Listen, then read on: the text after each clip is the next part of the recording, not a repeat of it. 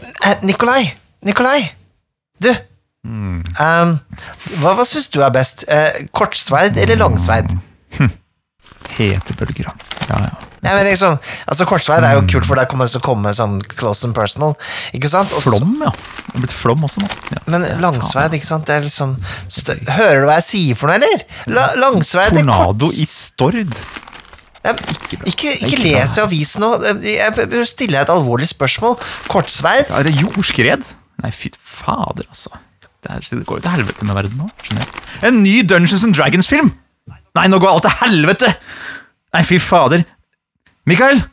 Mikael, se på det her! Ja, ja, ja, ja. Se på all den dritten her! Jeg ser det. Jeg tror vi er, jeg tror vi er på vei mot en apokalypse, altså.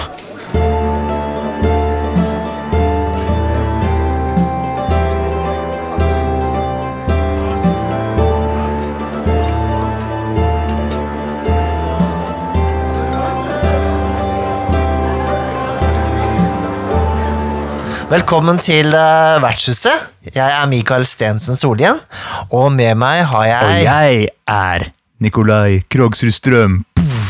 Jeg tenkte jeg skal bare bytte om litt, for vanligvis er det du som, uh, som introduserer oss, er det ikke det? Ja, jeg er så innmari på ballen vet du, hele tiden. Alltid rett der. Knips, knips. Nei, men uh, ny episode, og denne skal handle om uh, noe så uh, oppløftende som apokalypse. The end of days. Ragnarok. Når alt går til helvete, Mikael. Gehenna. Ja, ikke sant? Alt det her. eh, eh, det har jo vært en litt sånn eh, litt deprimerende rapport fra EU eh, angående miljøet, så da vet jeg for jeg tenker litt på apokalyptisk rollespill. Ja, ikke sant? Når, når det ikke er rollespill lenger, si. Ja, det blir sånn live-rollespill. Ja, det ble litt sånn, eh. Veldig livlig live-rollespill. Eh, ja, Nei, for vi tenkte vi skulle prate litt om apokalyptiske spill, da. Og ja, eh, for å få det helt på det rene, så, så er jo apokalypse ganske populært i populærkulturen utenom rollespill også. Det første jeg tenker på uh, når det gjelder apokalypsegreier, så tenker jeg jo på Mad Max. Ja, du får Mad Max først opp i hodet. Ja, det er det første jeg tenker på. da Ja, ikke sant? Du tenker at eh, hvis det kommer en litt stor flom uh, oppi, oppi Glomma, så er det ørkenlandskap og kjempestore biler. Da er, det, da er vi der med en gang. Altså, det er ikke det kanskje den mest sannsynlige eh, sånn apokalypsesettingen, kanskje. Men den er jo satt til Australia også, da, og der er det jo eh, Jeg tenker jo eh, Det er jo langt etter eh, apokalypsen i seg selv. Det har jo sam I første Mad Max-filmen så begynner jo samfunnet å råtne. Det ser man jo. Det har jo ikke skjedd noe den er ikke liksom, Det har ikke gått helt av hengsel enda. Men i film nummer to, en Road Warrior, da er det jo Da er det jo crazy bananas. Da har samfunnet brutt sammen, og da er det velkjente eh, greier, da, med biler og lite bensin og alt det der. Jeg liker den der tanken på uh, forskjellige grupperinger som tar over makta på en måte etter at det har blitt et slags eh, power vacuum. Så jeg skjønner jo nå at det er jo rånerne som tar over. Rånerne Når eh, tar alt over, ja.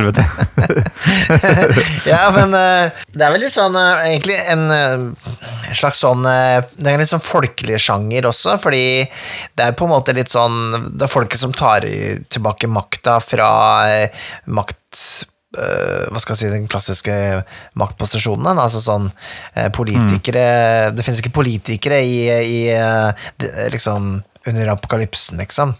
Det finnes jo klart eh, konger og sånne ting, men de har jo på en måte kommet seg opp selv, da. De har ikke arvet det av, eh, av, av blodet, liksom. Så Det er høvdinger. Det er høvdinger Måtte det tilbake ja. til høvdingesamfunnet. Ja, ikke sant? Uh, herskerinner og høvdinger og den slags, ja. Um, Og så ligger det lett tilgjengelig, som du sier. da, Det er den der, uh, Du begynner å tenke på det her når du hører klimarapporten. Det er lett å på en måte uh, sette, seg fram, fra, sette seg inn i det og drodle rundt. Hvordan kan det gå skikkelig til helvete? på en måte ja. Eh, Katastrofefilmer, ikke sant? Det, jo, det ligger jo rett der. Mm, mm. Og det, det har jo blitt avlagt rapporter om hva kan føre til en kjempestor, rett og slett nesten apokalypsestemning. Ja. Blant annet disse vulkanene i Yellowstone, har du sikkert hørt om? ja, men du kan godt uh, refreshe minnet mitt litt Jan, der. Hva, hva, hva var greia der? Altså, Nå skal jeg refreshe minnet ditt fra mine minner om en sen kveld på Discovery Channel og noen vin. Ja, det er spreit. sånn som jeg husker det, er at eh, Vi må ha en fact-checker, Mikael Levi-Tenger. Men i sånn jeg husker det, så er det uh, flere på en måte, årer med stor vulkansk aktivitet under Yellowstone National Park i USA. Ja. Så uh, det vil si at et stort utbrudd i en av disse vil kunne sette i gang en kjedereaksjon med utbrudd i alle disse her, sånn at så å si hele den parken bare Utslettes. blir leveled. Blir et gigantisk vulkanutbrudd, rett og slett. Sånn derre tigangeren. Ah. Det i seg selv er jo helvete laus, liksom, eh, i det området. Men i tillegg vil det da bli en gigantisk askesky som dekker eh, store deler av jorden. Som igjen da fører til dårlige avlinger.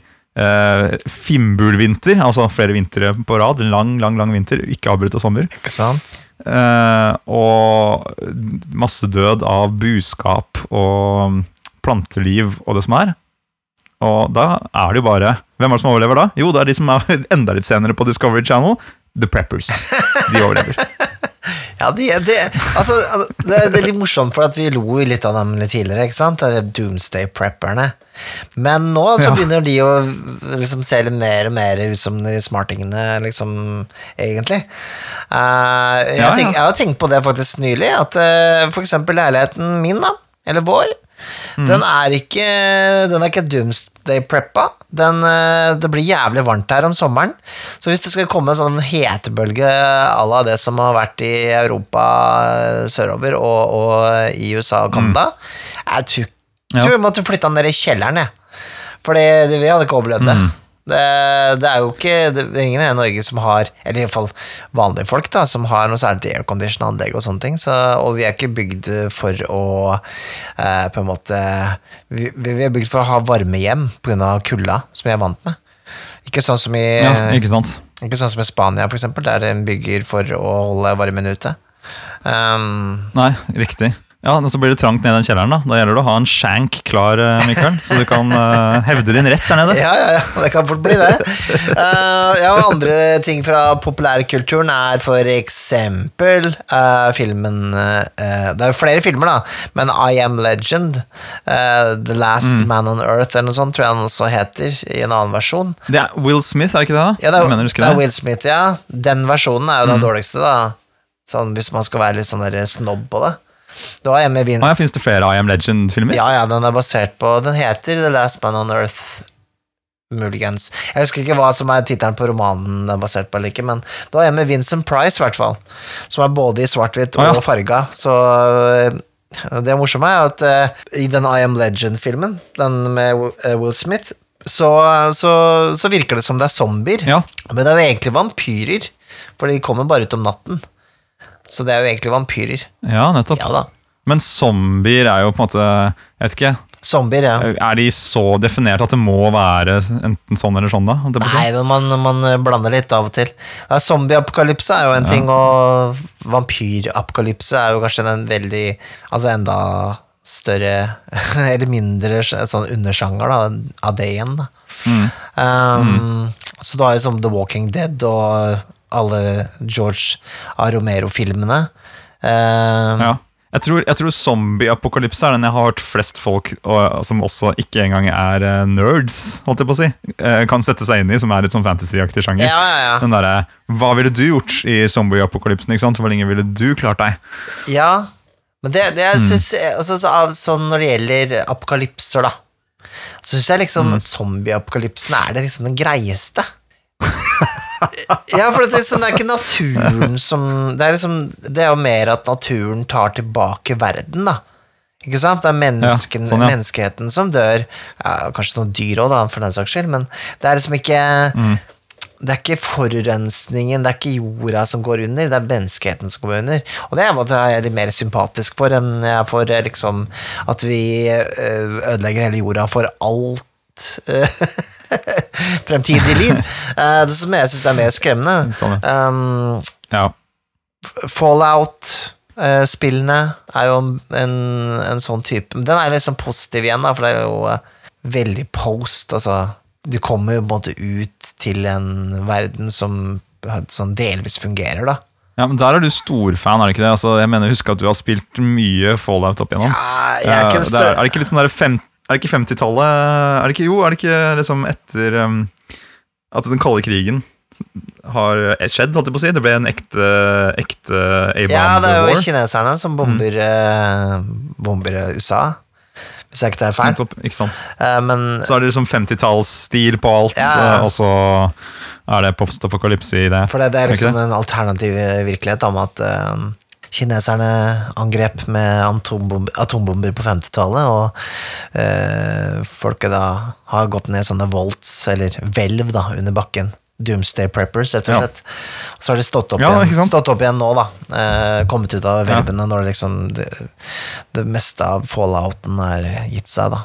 Inn i fremtida. Så estetikken er fortsatt 50-tallet, men det er, det er apokalyptisk 50-tall, da. Så det er, det er Ja. kult, da. Jeg synes Det er kul blanding der. Det har kommet et rollespill eh, nå eh, i, fra Modifius, som er da i det systemet deres som heter 2D20. Okay. Som eh, Star Trek blant annet bruker, og Dune bruker. Så det er kult. Fallout har på en måte som dataspillserie blitt litt sånn ødelagt av det, den siste utgaven, holdt jeg på å si. Den men eh, det er nok om det, det er ikke så farlig. Eh, men den, den absolutt mest deprimerende eh, film og bok eh, jeg har vært borti når det gjelder apokalypse, det er jo The Road. Og, Og The Road det er den jeg tenkte på når du Ja. snakka om apokalypse helt i begynnelsen. Det er også det som var sånn der, Det er bildet på postapokalypse for meg. og den er jo, den er jo eh, veldig Hva skal jeg si aktuell på et eller annet vis. Den, den føles jo altså Både boka og filmen føles jo veldig sånn sannsynlig. Sånn, det er ikke Mm, sånn som i mm. Fallout at du har mutanter og sånne ting. Det er ikke, det er ikke zombier, men det er sånn verden bare dør ut, ikke sant? Og så er det liksom Mm. Ja, folk eh, tyr til, eh, til ganske bestialske greier, men det er fortsatt liksom sånn Det er en dying world, da. Og eh, en døende verden, som man også heter på norsk. Den, den, den, den tror ikke jeg har sånn fryktelig lyst til å se denne uka, i hvert fall. Kanskje litt seinere, men Ikke sant? Ja, men den, den, jeg husker jeg leste boka, og da Det er jo Cormac McCarthy som har skrevet den. Kan jeg få med det også? Men uh, jeg husker resten av den, og så bare første 70 sidene eller sånt, så var jeg sånn der Fy fader, det her er den kjedeligste boka jeg har lest noen gang. Syns det, går jo, det skjer jo ingenting. Ja, Fy faen, liksom. Men side 70 og utover, så var det sånn eh, Da, da tok stemningen meg. Jeg, liksom, jeg klarte å komme inn i okay. ok. Ja, ikke sant? Det er en rytme her. Det er en slags Ja, det er det. Det er en slags stille vandring vi er i, og da plutselig så bare syns jeg det var en av de bedre bøkene jeg har lest. etter hvert. Så bra. ja, Ok. Da jeg var ferdig med den, så bare å, shit. Den fengsla meg ganske fort, da. Uh, det kan hende jeg gikk inn i, med den med større iver. Uh, men ja, ja. Eller, eller mindre iver, kanskje. Kanskje de gikk mer emo inn i boka, Ja. og så traff den riktig der den skulle. Det kan være. Nei, men jeg, det, det er en av de bøkene jeg har lest som jeg bare fikk lyst til å lese igjen med en gang etter at jeg har lest den. Og det er sånn det var, Mm. ja. Så jeg anbefaler den. Men hvis du er litt sånn eh, Hvis du syns at det er kjedelig å lese bøker, eller bare ikke bare nekter å lese bøker, så kan du se filmen. Ja, filmen også. Jeg syns den var fin, altså. Jeg likte den filmen. Men nå snakker vi jo bare om eh, ting som ikke er rollespill. Det går jo ikke an, eh, Nikolai. Vi må, vi må jo vri dette tilbake på det vi egentlig skal snakke om. Du vet hva? Vet du hva, vet du hva som er den perfekte overgangen til eh, å få det inn i rollespillets verden? Fra liksom eh, vår moderne, moderne verden? Eh, nei? Ragnarok. Å ja! Mm. Fordi alle har vel hørt om Ragnarok. Det er eh, vikingenes eh, og norrøne gudetro sin svar, sitt svar på at alt går til helvete. Verden avsluttes i et gigantisk, eh, et gigantisk slag. Mm. Men hva skjer egentlig etter Ragnarok? Post-apokalypsen. Post-apokalypsen eh, Post Post-apokalypse! Post! Eh, ifølge eh, våre forfedre. Eller hvis Ja. Mm. ja. Meg og dine, i hvert fall. Det kommer jo an på hvem du er, men eh, Altså, eh, Det er en som heter Lars Magnar Enoksen. Han har skrevet en bok som heter 'Norrøne guder og myter'. Han samla en haug med eh, informasjon om disse norrøne gudene. Og um, Veldig fin bok, egentlig. Men her har han skrevet først om eh, Ragnarok, og det hopper glatt over. For her er jo post Ragnarok vi er interessert i, Mikael. Vi, vi kjenner Ja. jo til Ragnarok, hva som skjer da. Gjør vi ikke? Ja. Folkens, Så- dere ja, må jo vite litt om dette her. Kom igjen, da. Ellers får dere google. Så nå skal du få høre litt, eh, Mikael, om det som skjer etter Ragnarok. Ja, okay. Håper du er klar for, eh, for et lite foredrag her nå. Hold deg Ja, jeg fast. holder meg fast. Det nye begynner. Etter at himmel og jord har brent opp og alle guder, einherjer og mennesker ser ut til å være døde, skal en ny tid begynne. Det viser seg at solen hadde fått en datter før ulven Skoll slukte den ved opptakten til Fimbulvinteren. Datteren overtar sin mors virksomhet og ferdes i samme bane over himmelhvelvingen. Etter at verdensbrannen har ebbet ut, stiger jorden på ny opp av havet og vokser seg grønn og vakker. Åkrene gror usådd til glede for alle. Vidar og hans bror Våle har overlevd, og de møter andre overlevende gudeætlinger på Idavollen, der Åskar tidligere lå. Tors sønner Magne og Mode finner sin fars hammer Mjølner, og Balder og Hød skal dessuten vende tilbake fra dødsriket Hel. Alle åsynjer som ikke har deltatt i striden, kommer frem og slutter seg til de levende. De overlevende setter seg ned og snakker fortrolig med hverandre, og da kommer de til å minnes sine forfedres runer. På den måten kommer gudenes kunnskap tilbake, noe som er til stor hjelp for dem alle. Av menneskeslekten kommer en kvinne og en mann til å overleve Ragnarok. De heter Liv og Livtrase, og de unnslipper Surts flammer ved å gjemme seg i Hodmimes skog. Der livnærer det seg på morgendoggen, og alle de kommende menneskeslektene som igjen skal bebo verden, kommer fra disse to seiglivede vesenene. Av de gamle verdenene er det bare Muspelheim og Nifelheim som ikke blir påvirket av de forandringene Ragnarok fører med seg. I Muspelheim hersker Surt som han pleier, og over gudenes slette ser man dragen Nidhogg fly forbi som et tydelig varsel på at også Nifelheim hersker har overlevd. Men alt er ikke skrekk og fordervelse, og også etter Ragnarok fremstår det vakre områder. Framfor alt oppstår hagen Gimle for menneskene, og den er herlig å besøke for alle som liker å hygge seg med godt drikke og andre velgjørende saker. Det kreves imidlertid at man oppfører seg godt for at man skal kunne få benkeplass i Gimle. Slike som begår mened og annet pakk, blir henvist til Nifelheims fryktelige likstrender, der tilværelsen blir kalt det helvete som de fortjener. Ok. Ja. Ja? Ja, mange Mhm. tanker som, eh, som kommer på en gang her, er jo Altså, hvis du skal ta dette her inn på eh, vår, vår gryne apokalypse, så er det jo litt sånn som i Ragnarok, at, eh, at verden vil jo eh, korrigere seg selv. Og det vil jo være igjen mennesker. La oss si dette går fyllbyrdes, da, slik de verste klima... eh, hva skal jeg si eh, Jeg holdt på å si skeptikere, men pessimistene, kanskje, heller, Ja. vil forutse. Jeg har lite tro på at menneskeheten vil dø helt ut, uansett hva som skjer, men vi vil jo, um, vi vil jo svekkes. Men man kan også se på dette her som i en slags øh, øh, kristen sammenheng, altså kristningen Sett med tanke på kristningen, da. Jeg følte det var liksom en nesten en hentydning der med den, der, den fine hagen hvor noen blir kasta ut hvis de gjør noe galt. Ja, at det føltes ut som de forklarer en enklere verden eh, etter at eh, æsene er borte, da. Så mm. er det et helvete, og det er en himmel. Altså, det er, det er mindre komplekst, da. Ja. Som var, for, altså, var jo mye grunnen til at vi har kristendom At vi ble kristnet også, for at eh, det var jo bare mer på mange måter en, en mer praktisk religion, da. For, eh, for folk flest. Jeg tror det var, De kommer med en, eh, en bråte med helgener, så jeg vet ikke, ja. det var vel sikkert mye av det samme. tenker jeg. Jo, jo, men det var, det var lettere å forholde seg til én gud, da, enn å ha Ja, Det kan det ikke være. så mange det var. Eh, Det var jo litt av appellen. Og så var det jo det at du, du fikk kutta deg huet hvis du sa nei òg, da, men eh, det er likevel Det er jo Ja, Den er jo, den er jo litt lei, den. Den er litt lei, den. Men ja, det er jo, det er jo, det er jo alltid litt sånn, nesten litt sånn frysninger på ryggen når man leser sånne gamle historier, hvor, hvor mm. måte mye visdom det er i det, da. Um, Ja, Og vil vi klare å tolke våre forfedres runer? Den syns jeg er, er fin. Ja, ja, ja. Fantastisk. Jeg er jo veldig fascinert av, eh, av eh, norrøn mytologi.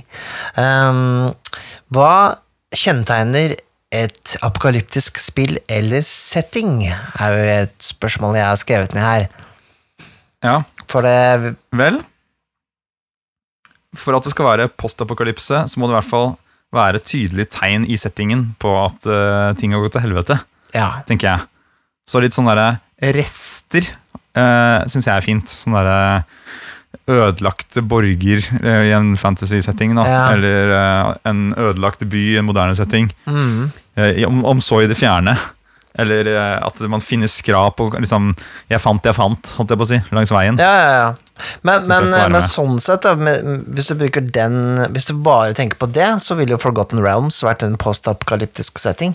For det er jo hele poenget med at det er masse sånne gamle ruiner fra tidligere Ja. kongedømmer som ligger strødd rundt omkring i verden. Ergo Forgotten Realms. Uh, Ja. Men det, det, er sånn er det jo i verden vår også, på et vis. Ja, for så vidt. Det føles ikke så veldig apokalyptisk ut, da. Det er jo noe mer som må til. Vi må ha noe mer oppi gryta. Vi må ha Vi må ha liksom eh, eh, Jeg vet ikke. Jeg har skrevet 'mangel på ressurser'. Ja, jeg tror, jeg tror, um, jeg tror eh, ødeleggelsen må ha vært mer total. Ja. Altså, det kan ikke ha vært liksom, ja, én by eller ett land eller sånt som gikk til helvete. Det må ha vært en hel verden, sånn at alle er i denne eh, på en måte samme typen setting, da, uansett hvor du drar. Mm. Og ja, med det også mangelen på ressurser. Det tror jeg også er eh, eh, viktig å ha med i en sånn setting når du skal lage et spill. Også. ja.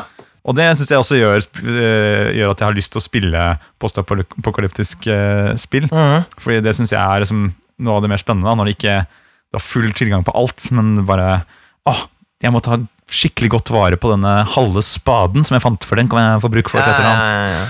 Er en, en ta med seg kuler eller vann, liksom. Uh, Mm. Sånne type ting, ja.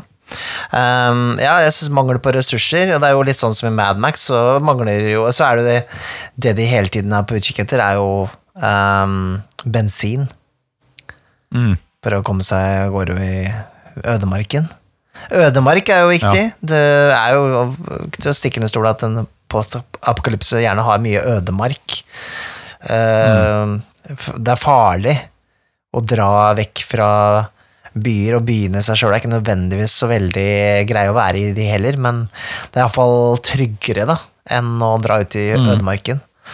For der har du jo Ja, at det, er, at det er liksom Ja, ikke sant, at det er en viss sivilisasjon et sted, Mm. men, eh, men helt villmark, eller ikke villmark, men eh, lawlessness. Altså, Ja, ikke sant? der, der, ikke sant? Der, der er det free for all. Banditter, mutanter, zombier, vampyrer Et Mm. eller annet som eh, Som du helst ikke har lyst til å møte på, da. Og da må jo trusselen være stor. Du, en post-apokalypse handler jo litt om å være litt David mot Goliat. Ja. At det kan jo ikke heller være en sånn heroisk Det er ikke noe heroisk setting heller, føler jeg. Nei, det er ikke det som er det interessante. Mm. Der, eh, da- det, da får du spille et annet spill. Mulig.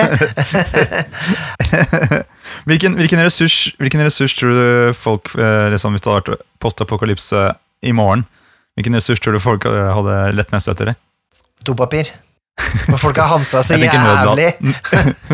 Første folk tenker på. Dopapir. Ja, hvorfor er det det første folk tenker på? Ja, men altså sånn ja, men Av alle ting Altså, det er jo ikke sånn at du, du dør uten eh, dopapir. Det er jo bare å dusje ræva si. Eller altså, du, altså Ja, men hva er det du Det er liksom Det blir jo et dyr, da, med en gang. Er det, er det det som skiller liksom Er det det som, som, som er liksom eh, Er det dopapir som skiller på en måte liksom siviliserte mennesker og barbaren, liksom? Er det, er det der, vi, det, er det, er der det blir sånn eh, Fluenes herre? Jeg tror det er litt sånn der Ikke kødd med liksom my basic needs. Sånn derre Jeg vil gå på vil, På dass vil jeg at det skal være sånn som det er. Mens alle andre steder kan jeg gjøre andre Jeg har gått tom for dopapir, og det har på en måte løst seg. Ikke sant? Du, Det husker jeg veldig godt. Det skjedde i kollektivet da vi bodde sammen. Og hva, hvem var det som skulle på do etter deg? Det var meg. Og hva var det jeg fant da?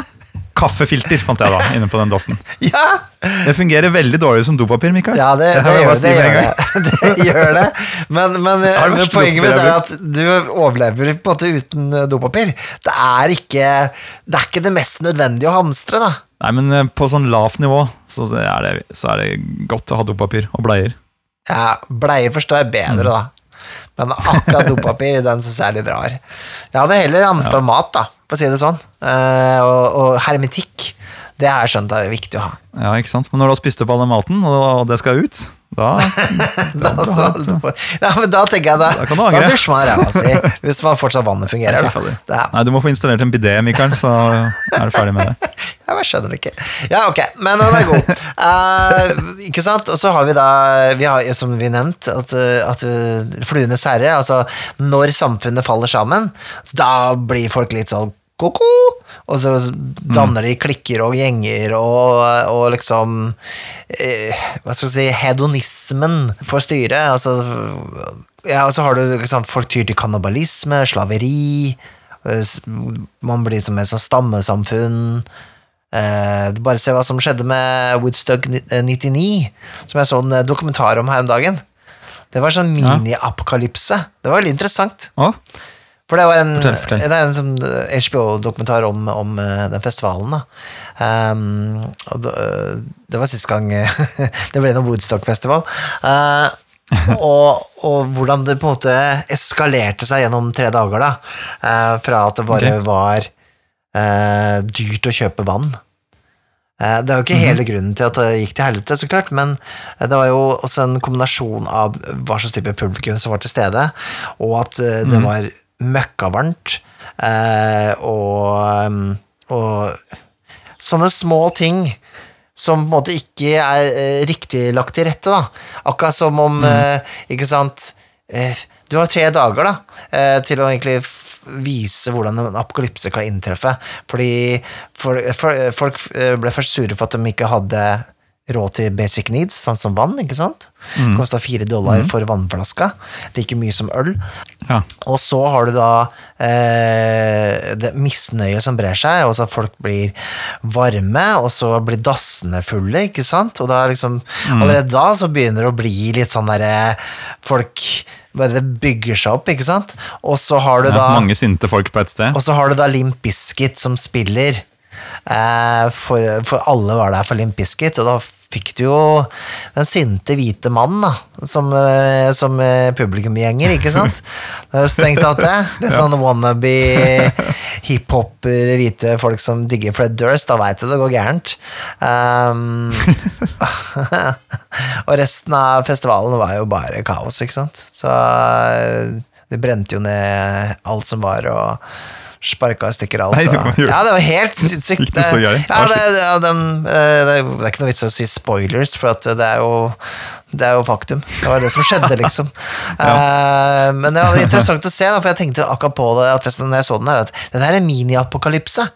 Det er, sånn, det er alle elementene. Hvis du kan se det sånn, så var Fred, Mm. Fred Durst Når han sto på scenen der, så var han den karismatiske eh, Trump, eller Altså, du skjønner, han som hisser til Mm. krig, da.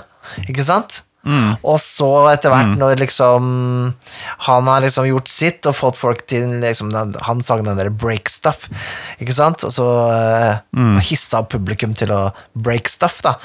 Ikke sant? Og Ja, etter for det så, så, så planta det seg så klart i folket at det, det var ok å ødelegge ting, ikke sant? Og etter hvert så Ja, ikke sant. Der kan man se kimen til noe sånt, ja. Litt sånn der som du sa, stormingen av kongressen i USA også. Ja, ja. Der hvis det hadde vært eh, litt flere elementer på plass samtidig, Mm. større misnøye i folket, eh, kanskje en hetebølge, som, eh, som du sier, Ja. også, og mangel på ressurser eller et eller annet som går galt. da. Mm. Og så i tillegg, da kommer denne stormingen, og så plutselig kan man, kunne man kanskje sett en sånn flodbølge av eh, storminger av eh, diverse rådhus rundt omkring i, Ja, ja, ja, ja. Ikke sant? Det kunne gått verre. Det, hadde ikke, det er no good. Nei, nei, nei. Men det er sånn sett ikke så veldig usannsynlig da, eh, at vi kan få en sånn type apokalypse hvis folk Hvis ting eh, ligger til rette for det, da. Altså, jeg skal bare, bare for å si det sånn Etter vi har vært på vertshuset i dag, så skal jeg rett ut og kjøpe dopapir. For å si det sånn. Putte i kjelleren. ja. Men en, en sånn trope som, sånn, som jeg syns er litt funny, det er at uh, i veldig mange apokalyptiske settinger og spill, så har du sånne Så, bruker, så er det sånn psionics. Jeg vet ikke om det finnes et norsk Ja. ord for psionics. Um, mentale krefter, Ja, sånn, sånn det er jo egentlig litt som ja. Star Wars. Altså sånn er det, det er litt sånn The Force, men i, i Star Wars er det Ja. den kraft som faktisk er litt sånn guddommelig kraft. Men i, i, ehm, i mye sånn eh, post-apokalypse så er det gjerne liksom av mutasjoner og sånn. Mm. Ja, jeg syns også, også, også det er litt sånn fascinerende. Eh, det, og det har jeg sett dukke opp flere steder. Blant annet også i uh, dataspillet Starcraft. Så har de jo noen de kaller for ghosts, som har evner. Ikke sant? De kan, eh, de kan, de kan eh, gjemme seg bedre, og de kan spotte ting som ikke andre, som, som ikke andre kan spotte. Ja. Så det er litt sånn der, de, de har mentale evner. Mm. Også, ja, som også er en sånn slags Jeg vet ikke hvor det kommer fra der, men det er vel en slags mutasjon eller Det er vel den der, En videreføring av de, det mediumet som blir ringt når uh, noen har forsvunnet, ikke sant? Så de har prøvd alt. Ja. Så begynner du å ringe rundt til folk som uh, ser ting, ikke sant? Og ser Kan du se hvor eh, sønnen min har blitt, blitt da? Sånn? Så ser de et eller annet. Ja, litt sånn Snåsamann-aktig, bare tatt videre, da. Snåsamann med maskingevær i verdensrommet. Ja, da er vi der. ja, og så har vi nevnt mutanter, mutasjoner, zombier, Mm. vampyrer. Det er ofte med. Det er jo gjerne den der videre, videreføringen av at det har kanskje vært en atomkrig. Da, da er det jo eh, Da kommer det gjerne noen mutasjoner. ikke sant? Mhm. Det er jo nærliggende. Mm. atomavfall. Uh, altså, Er det ikke litt sånn derre um, Turtles også? Der kom- er det jo noe som heter mutagen, Ja, ja. som de blir utsatt for. Bare, å, jeg ligger og jeg sitter bare og chiller ved siden av noen skilpadder, og så ja, ja, ja. har du skilpadde-ninja her. Eh, men hva gjør man i et sånn apokalyptisk spill? Jeg, jeg tenker jo mye handler om å finne sin plass, bygge opp igjen et samfunn, og, eller bare rett og slett bare overleve. Um, Men det er også en sånn trope i mange sånne eh, settinger og spill at man på en måte leter etter det forjettede land, da. Det er litt sånn som The Road, så leter du etter uh, kysten, ikke sant? For at det kanskje ikke er så ille der. Mm. Eller i eh, The Walking Dead så snakker de om at det kanskje De leter vel etter steder hvor de kan være trygge, ikke sant? Sånne bebyggelser, samfunn Mm. og den slags. Og i Mutant Year Zero så leter de etter noe som heter Eden, som visstnok skal være liksom der alt er bra, da. Mm. Så Det går alltid historier om dette forjettede landet. Mm. Der alt er best. En slags himmel eller, eller Eldorado eller et Mm. eller annet sånt, ja. Jeg syns det er interessant med sånne spill. Jeg synes det, eh, Hele den derre At det er litt smått. At ting uh, er litt enkelt og smått, gjør det interessant. Fordi da spiller man mer liksom, eh, på de nære relasjonene. Mm. Det er ikke så mye sånn der, at alt kan skje. Det er mer sånn der vi må keep close, og så må vi Alt er farlig, helt til vi kommer til liksom, neste gruppering. Må bli kjent med de. Mm. Ok, Kanskje det er et lite, en liten eh, avlukket samfunn her. Kan man eh, få tak i nye ressurser, kanskje, eller samarbeide, og så er det ok, ut i helvete igjen for å komme seg videre til neste punkt. Ja, ja, ja. Man kan liksom lage det veldig sånn eh, eh, Det er kanskje lettere å spille det. jeg vet ikke. Jeg har ikke spillede så mye sånn der, uh, postapokalypse-settinger, men det var kanskje du, Mikael? Vet du hva, det har vært dårlig med det, faktisk. Jeg hadde jo veldig lyst til å starte en sånn Mutant Year Zero-kampanje for en del år tilbake, Ja. Uh, da jeg kjøpte boka. Jeg anmeldte jo spillet til og med på, uh, på rollespill.info. Jeg har en skrevet anmeldelse der. ja, se der, ja. Ja da, ja. Men jeg har aldri fått spilt det, jeg har bare fått lest det. Jeg, jeg har spilt uh, Genlab Alpha en gang, som er en slags sånn søsterspill, da. Hvor man spiller på en måte muterte dyr. Med, hvor jeg spilte med Ja. Simon E-kamera uh, som GM. Um, det var gøy. Det var veldig morsomt. Er, jeg liker systemet, det er et veldig godt system. Det er det samme som Alien bruker, og mange andre spill fra uh, Men, men fortell, fortell litt om, om, eh, om systemet Da, hele Mutant or Null. Altså gamle Mutant, som er den svenske eh, måte, versjonen av Gamma World. Det, det, eh, dette Year Zero-spillet er på en måte begynnelsen, altså er på en måte prequelen til det gamle spillet, da. Så det er år null av den apokalypsen, på en måte, som man spiller i i okay. gamle Mutant. For å gjøre ting komplisert. Ok. Skjønte du det? Skjønte du det? Skjønte det? Foreløpig skjønner jeg ingenting, men det er greit. greit nok. Vi kan snakke om Year Zero, da. Uh, jo, man ja. Det er veldig kult. Man, eh, man velger én av to eh, hex-maps, rett og slett.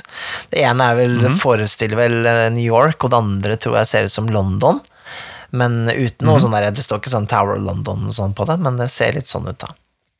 Eh, Og det er fullt av sånne heks... Uh, hva heter det? Sekskanter, da.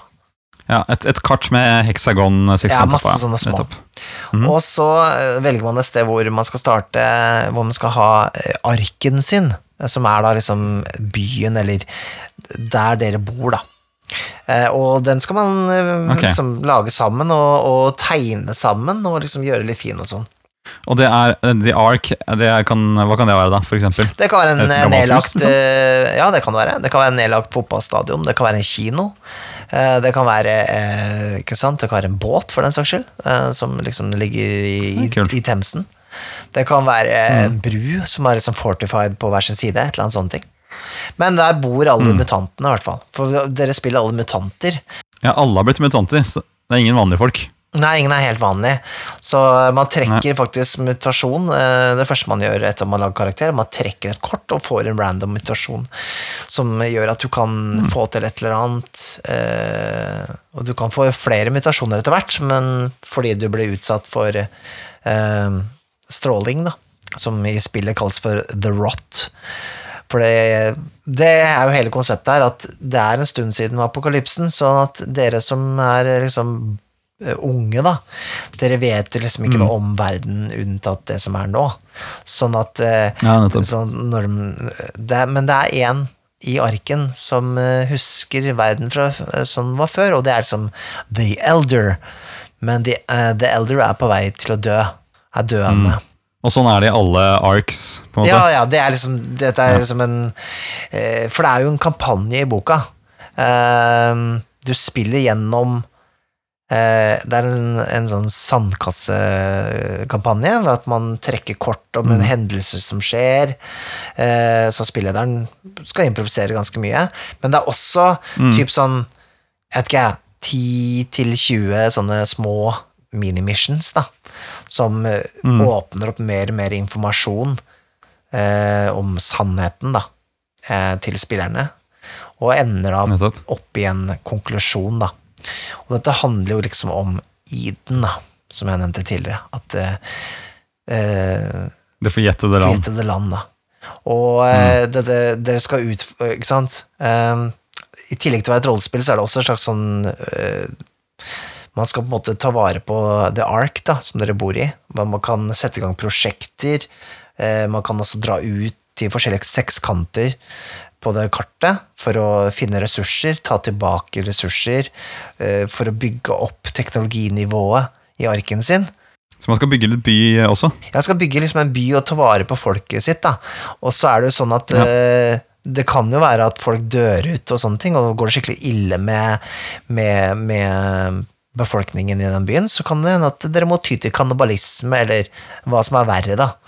Så det er, mm. det er, det er litt sånn et, et, Ja, det er et rollespill, men det er også en form for sånn SimCity eh, og eh, et, et sånn sandkasse, eh, åpent spill hvor man på en måte utforsker en, et kart, da.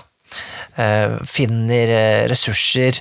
Eh, og det morsomme er jo ikke sant at man er ikke sånn at man finner et gevær, man finner liksom Oi, du finner en, finner en sånn avlang ting. Eh, som den har liksom en, en sånn Ja, det er sånn ganske hardt og, så, og ganske tungt, men har en sånn tyngde du kan trykke på. Oi, eh, skal du trykke på den tingen? Jeg trykker på den, og det smeller skikkelig eh, hardt, ikke sant? Altså, Ja. Fremmed teknologi. ja, det er den der å finne ut av eh, teknologien som var før en, og alt det der også. Systemet, da, når du sitter der rundt bordet og skal spille, er det, tekker du handlingskort, eller ruller terninger, eller Nei, man ruller terninger. Man ruller sekssida terninger. man kan bruke vanlige terninger man har, eller så kan man kjøpe spesialterninger, da, som, som er så typisk for disse spillet her. Um, Ja, må jo det. jeg har jo kjøpt mange, jeg. Jeg har ikke fått brukt dem, da. Ja. um, og så er det jo Den har en uh, veldig fin sånn push-mekanikk. At hvis du ikke får til kastet ditt, så kan du pushe, men da blir det en større risiko for at du skader deg, eller uh, noe slikt, da. Um, så har, spillet har en sånn eh, risk reward-funksjon. Og så kan man alltids bruke mutasjonene, men da får man vel noe ekstra greier. Så det er en sånn, hva skal jeg si, et strategisk element med hvordan man spiller, og det er veldig viktig med Det er et veldig enkelt system for å beskrive Altså finne ut hvor mye du har du kan bære med deg. Um, sånn at uh, du har liksom La oss si du har seks setninger på arket ditt, da eller seks linjer, så er det sånn at eh, et gevær tar opp en hel linje, mens eh, for eksempel kuler tar opp en halv linje, og så, og så fyller man ut helt til man liksom ikke har plass lenger, da. Og det er så mye du kan bære. Ja, så når du har fylt ut de seks linjene dine, Ja. så kan du ikke plukke deg med Ja, det liker jeg veldig godt. Du, da må du passe på hva du tar med deg. Men noen ting eh, kan du få plass til eh, flere av på én linje, for eksempel, da. Alt ettersom hvor Ja. smått det er. Så det er veldig sånn fint mm. sånn inventory-system, som gjør at du må, du må tenke litt Hva er det jeg skal, må, skal, jeg, skal jeg legge igjen geværet for å ta med meg liksom vannflaskene jeg finner, ikke sant, eller Ja. Så det blir en sånn uh... Det her er jo det er her du treffer sjangeren, tenker jeg for min del. Ja. At det, du får et forhold til mangelen på ressurser. Mm, Eh, også det du, det du snakka om med den push-mekanikken, det var vel litt det han eh, Kåre Berg også snakket om. Ja, vi med han. Eh, den der at eh, ja, du kan Du fikk det ikke til, men du kan pushe, pushe deg skikkelig. Men du kanskje mister noe av deg selv når du gjør det. Ja, ja, ja. Kanskje blir mer mutant. Ja. Da er det et ekte offer. Det, det gjør det interessant, da. Nå er det lenge siden jeg leste det spillet, uh, men jeg mener å huske at i hvert fall jeg var fascinert over det, og så var jeg fascinert over at uh, du kan finne ting uh, Du trekker gjerne kort, da. Eh, ting du finner i ødemarken, eller når du eh, oppdager et nytt sted. Og du kan velge enten å bruke det selv, eller ta vare på det selv, eller så kan du gi det tilbake til arken for å bygge opp den. Så det blir litt sånn der, ja, ikke sant? Vil jeg ta nytte av dette her selv, eller vil jeg gi tilbake? Alt ettersom Ja. hvordan du selv føler det, liksom, både rollen din ville tenkt, og hvordan du selv tenker, da. Det, det er kult. Det er mange, det er mange sånne småelementer her, skjønner jeg, som, eh, Mm. som kommer frem i dette spillet. Men du, tror du, du føler ikke at du prøver for mye? da? At det er For mange ting på en gang? Nei, jeg syns systemet er ganske enkelt, sånn i seg selv. Ja. Så- Jeg tenkte sånn her, det her du, vi, har, vi, har vi er mutanter. Det er postapokalypse. Det er liksom to ting. Og så er det hex-map-crawling. Mhm. Ja. Og så er det SimCity. eh, og så er det Ja, men alt dette, alt det, Det bare, ja, det er jo, du, gjør, gjør ikke alt sammen samtidig nødvendigvis, da. Så nei, det er faktisk ikke Det er ganske enkelt spill, altså sånn, eh, sånn sett i sammenheng med andre ting, da. Um, Mm. Så jeg vil, eh, jeg vil ikke si det er eh, Det er ikke overveldende, liksom. Kult. Ja, Fins det, det noen andre postapokalypse-spill, da? Altså, det originale postapokalypsespillet, det er jo Gamma World. Og det er vel strengt tatt det samme som Mutant, egentlig. Sånn, uh, det, er, det er jo lagd av TSR, altså gamle DOD-gjengen. Okay. Um, hvor- Gamma World har ikke hørt om engang. Nei, det, det er ikke så kjent i Norge, men det er jo veldig kjent blant liksom, old schoolers i utlandet, da. Iallfall i USA. Altså, det er jo Ikke rart du vet om det, Mikael. Jeg vet om det, vet du. Uh, nei, men det er jo Det, det er jo uh, Det er strengt tatt Dungeons and Dragons-spill med mutanter, da. En, Det er sånn type gameplay. Um, Ok. Så jeg vet ikke helt Jeg har jo ikke spilt det selv, og jeg har jo ikke lest gamle Gamma World heller. Det blir for gammelt for meg. Uh, Men er det fremtiden, liksom? Eller er ja, ja, ja, det er det. Uh. Eh, Så Gamma World okay. er jo Men det er iallfall Det er liksom Det er bestefar eh, Bestefar-apokalypse-rollespillet, i hvert fall. Uh, Så man Ja. virkelig skal gå tilbake der. Og så spilte jeg jo Jeg spilte aldri originale Mutant, men jeg spilte Mutant 2077, som på en måte er Mutant 2, tror jeg. eh, som jeg kjøpte fordi jeg fant det på en bokhandler i Hamar. Det, av og til så, så får de inn noen greier, vet du, og da er Mikael på banen. Eh, og det, Har det sneket seg noen ting opp dit, ja? Ja, Det er ikke dårlig. men det, det var på en måte cyberpunk-varianten av, av uh, Mutant, da. Så det var på en måte Det er fortsatt Mad Max ute i ødemarken, men uh, de har sånne metropoler, da, som veldig sånn cyberpunk-aktig, da. Så, mm, så det er det jeg har spilt, da. Simon kunne sikkert snakka mye om Mutant, i hvert fall. Det. Ja. Det høres jo unektelig kult ut, det må jeg si. Mm. Men du har jo messet mye om Dark Sun, Det virker også litt sånn der, um, Ja, ja, postapokalypseaktig. Men det er vel kanskje ikke et eget spill, det er vel en setting? Det er setting? Det kunne godt vært et eget spill, egentlig. Fordi, fordi det er såpass annerledes alt annet fra Dungeons and Dragons. Men er det en Dungeons and Dragons-setting, eller er det ADHD? Eller kan det brukes til alt? å begynte i ADHD second edition, uh, men, Mm. det, men det ble gjenoppliva til uh, DOD 4, som ingen Ja, det det. Som ikke så mange er så veldig fan av lenger. Uh, men det fins Det fins en conversion, en veldig Folk sier det er veldig bra. Hvis du leter etter det på internett, så kan du finne en Dark Sun Mm. 5th edition-hack, på en måte. Det er veldig forseggjort. Vil du spå Når du, har, når du ser i dine tarotkort, Mikael, Ja. ser, du en, eh, ser du en Dark Sun til 5E-versjon? Nei. Eller gjør du ikke det? Nei. Jeg ikke håper det? ikke de gjør det, faktisk. Fordi, for, jeg, jeg, jeg, for at, eh, for, for Dark Sun er et edgy 90-talls uh, En edgy 90-tallssetting som på en Mm. måte ikke tåler like godt dagens lys som Altså i, i på en måte Disney det og det som, som Fifth Edition på en måte har blitt, da. Altså, det, det er jo det er jo, det er Ja. jo sånn der, uh, litt grann. Altså, Ja. Ravenloft også har jo er jo ikke, det er ikke det det var en gang i tida, og, og det, men, men Dark Sun har på en måte Det er en veldig stor del av settingen er jo at det er et slavesamfunn, for eksempel. Mm. Og jeg tror, ikke, jeg tror bare ikke Wizard of Coast orker å ta i det med Gidder ikke å pirke borti det? Nei, det blir så mye Twitter uh, av det, så, og, og, og så skal du liksom ta bort det, så får du alle de gamle gutta som blir, og jentene sikkert, som blir sure, for det er liksom det, det er jo men det er jo liksom en sjanger, det òg, da. Det er, jo, det, er ikke, det er jo ikke slaveri i, liksom eh, amerikansk sammenheng. Det er jo, det er jo mer barbargreie, altså mer viking eh, treller. Ikke sant? Det er det samfunnet vi, vi Altså konaen, ikke sant? Det er der vi liksom er inspirert.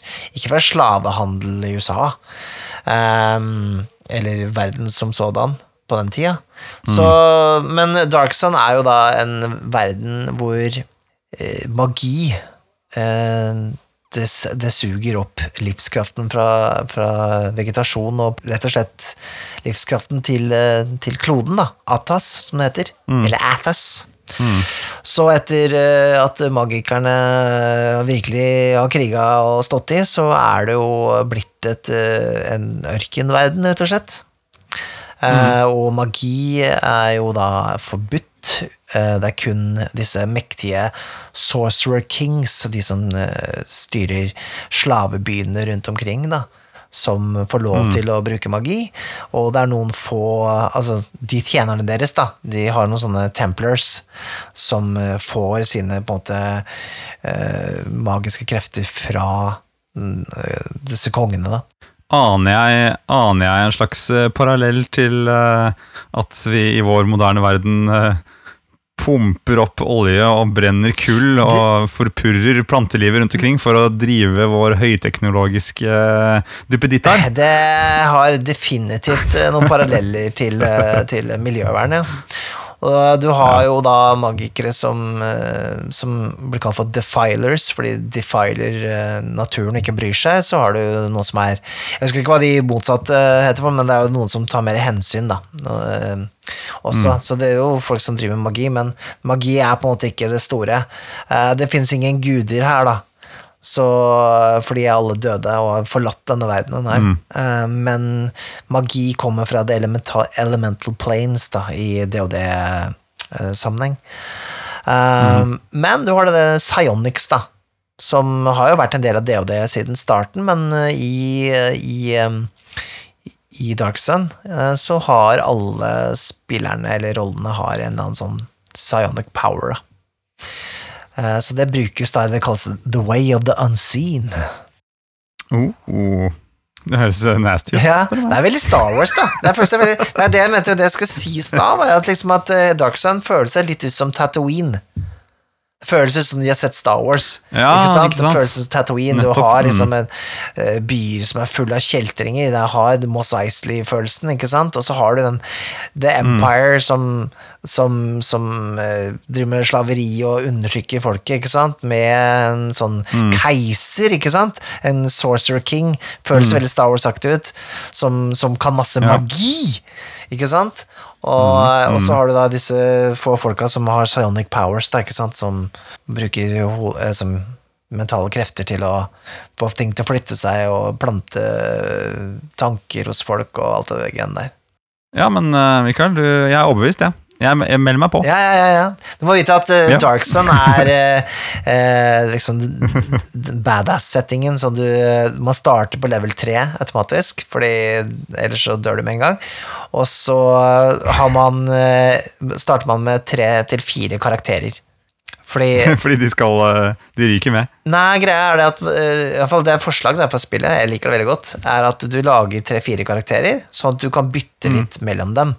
La oss si at eh, Litt grann fordi at det ikke skal gjøre så vondt å miste en karakter, men også fordi at man kan liksom gjøre forskjellige eventyr på forskjellige steder i verden, da, og få prøvd ut mer av spillet. Jeg tror de kaller det for karaktertre, og det er en litt sånn måte at uh, de du ikke bruker, leveles opp når du uh, Eller får experience points når man bytter til dem, for eksempel. Da. Så det er litt sånn ganske Det er jo interessant, det er interessant i en sånn post-apokalypse-setting generelt også. Man kan jo, La oss si man eh, eh, spiller en familie, da, Mm. for eksempel.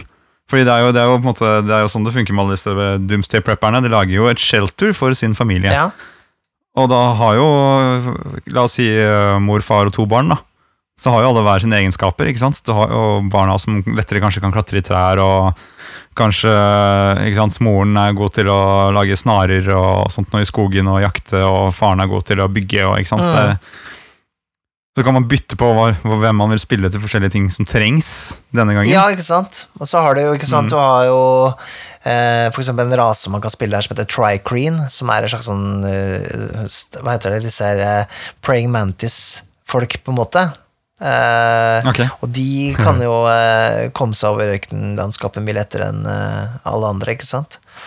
Og så, så det er forskjellige raser du kan velge, da, som, som gir deg forskjellige fordeler og sånn. Uh, alvene i Darkson, de, eh, de er også mye bedre til å komme seg gjennom uh, ødemarken, fordi de løper mye fortere enn uh, mennesker. De bare løper og løper. Det er litt stilig. De er som Bippe Stankelbein og Wiley Coyote. Ja, og så er de skikkelig De er skikkelig sånn kjipe i Tarkson. De er ikke noe greie i det hele tatt. Det er liksom Det er langt fra Legolas og de folka der. Så det Ja, Legolas var kanskje den eneste som ikke var kjip. ja. da, av alle Altså Halflings er bare er, eh, kannibaler. Det syns jeg er litt stilig. De spiser eh, Spiser folk. Ja, De elsker jo å spise. Ja. De gjør jo det. Ja, de gjør jo det, men de liker også å spise sine fiender, da, så det er jo det er gøy, det òg. Det er kult. Det er veldig Nei, kult. men eh, Dark- Dark Sun er jo Ja, den bruker jo mye Eller bare lurer på hva som kom først, liksom. Er det Star Wars-inspirasjonen fra Moss Eisley som har inspirert dette her, greiene med Psyonix og force Mm. og sånne ting, inn i post-apokalypse? Du Du har jo også det samme i Apocalypse World. Så har du også da mulighet til å spille inn psionicists eh, der også. Um, Mm, mm. og eh, ja, det har blitt sånn greie, da. Jeg vet ikke. Eh, men det er jo de mutasjonene, da. Men ko Konaen også har jo mye den derre ørkenlandskap og Mm. ute i varmen, holdt jeg på å si. Ja, Darkson er jo inspirert av Konan og eh, Ja, det er en blanding av Konan, Mad Max og Star Wars, føler jeg. Eh, det, er, Det er, det er det beste av alle verdener, spør du ja, meg. det er veldig, veldig god kombinasjon, jeg, jeg syns det. Så ja, eh, et, et annet spill er Numenera. Det er jo ikke Numenera har jeg ikke hørt om. Hva er det for noe? Uh, det er et uh, spill fra Montecook og Montecook Games. Det er han som lagde Planescape-settingen, blant annet, og sto for third edition Ah, en del. Uh, men det handler Pl Planescape, er, det, er ikke det det derre Jeg mener husker jeg spilte på dataen. Planescape Torment, som var sånn oppfølger til Boulder Skate-spillene. Stemmer det. Ja.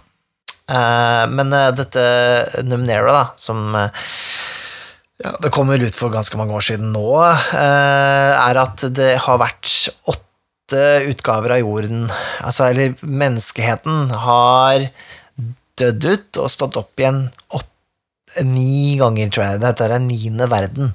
Ok, Så det har vært apokalypse ni ganger? Ja, de har klart å tenne sola igjen når den skulle slukne, ikke sant, med teknologi. Mm. Og nå har verden kommet seg til på en måte, på en, måte en slags ny middelalder, da. Eller Ja, eh, et eller annet renessanse, eller et eller annet sånt. ting. Så det er en fantasy-setting på den måten. Eller akkurat sånn som Dark Sun er det. Eh, Men Ja. det som er magi, er øh, på mange måter altså, artefakter fra tidligere sivilisasjoner. La oss si du finner en, en eller annen dippedings ikke sant, i en eller annen gammel ruin, så vil de som plukker den opp nå, eh, anse det som magisk, fordi at de vet ikke at det er nanoteknologi, for eksempel. Da. Ikke sant? Mm, Veldig gammel, avansert, utdødd teknologi, som ikke dette samfunnet har klart å nå enda. De anser det som magi. Ehm, så det handler veldig mye om utforsking, det handler om å finne disse gamle artefaktene. Uh, masse kule greier, sånn som for eksempel at det er eh, Det er vel en eller annen en, um, en ørken der som, hvor du går gjennom den, så blir du eh, Det er fare for at du blir eh, forandret for alltid, fordi at det er en sånn sverm med nanobotter som, eh, som bare bygger opp Altså som forandrer folk Jeg vet ikke, kanskje de har et virus eller noe sånt. Eller et eller annet som gjør at folk bare forandrer Det er folk. kult. Um, Ja, så liksom at de har, Noen eh, har skapt en nanoteknologi som gjør at man kan endre på genene, sikkert. da Ja, ja, ja, så har så har de gått så bare- wild inn i en sånn eh, ja, ja, sånne type ting. da, ikke sant? Og så er jo litt sånn der, er litt spennende er på en måte å utforske disse tingene som er igjen. da. Um, så, så ja, men det er jo ikke sånn Det føles kanskje ikke som en post-apokalypse i seg selv, for at verden er jo ikke på vei mot, eller har akkurat vært i en apokalypse, men det har elementer fra det, da. Eh, så det er en sånn liten sånn undersjanger, på en måte. Um, men da har du også eh, pre-apokalypse. Jeg vet ikke om Det er, et, det er en sjanger, det òg. Hæ? Preapokalypse, er det en sjanger òg? Ja da. Altså rett før det smeller, liksom? Er liksom på vei mot undergangen, og ikke liksom Ja. Den har ikke vært ennå, på en måte. Så Er det det vi er i nå? Ja, er, egentlig er vi i en preapokalypse. jeg tenker da Mørkborg er jo en preapokalypse, selv om det er veldig apokalyptisk, men det er jo liksom Det, er jo ikke, det har ikke skjedd ennå. Det er sant, der er det jo masse salmer som forteller om at eh, snart, snart går det til helvete. Ja, ikke sant? For det skal liksom som den sjuende gangen man triller én på terningen i starten av spillingen, så, så skal man brenne boka. Da, da er kampanjen over, for da har apokalypsen inntruffet. Så man kan velge hvor Nettopp. stor terning man ruller, da, men uh, eh, Så det kan jo være at den kampanjen varer i flere år, men det kan også hende den bare varer et par uker, da. Hva er, hva er det som rett før salmen? Nå har jeg jo Mørkeborg her. Den ligger, står jo her i bokhyllene på vertshuset. Ja, ja, det er jo salme sju, Kanskje- sju som er eh, liksom den siste, siste salmen, da. Ja. Jeg må passe på ikke lese den, for da går det jo da går det til helvete. helvete Jeg tror du har lov til å lese den sånn uh, av på en måte litt sånn for science. jeg, jeg tror Jeg kan ikke, jeg kan ikke um, spoile det. Så Nei. jeg får ta um, salme, salme 6.6, da, den som er rett før. Oh, 6-6.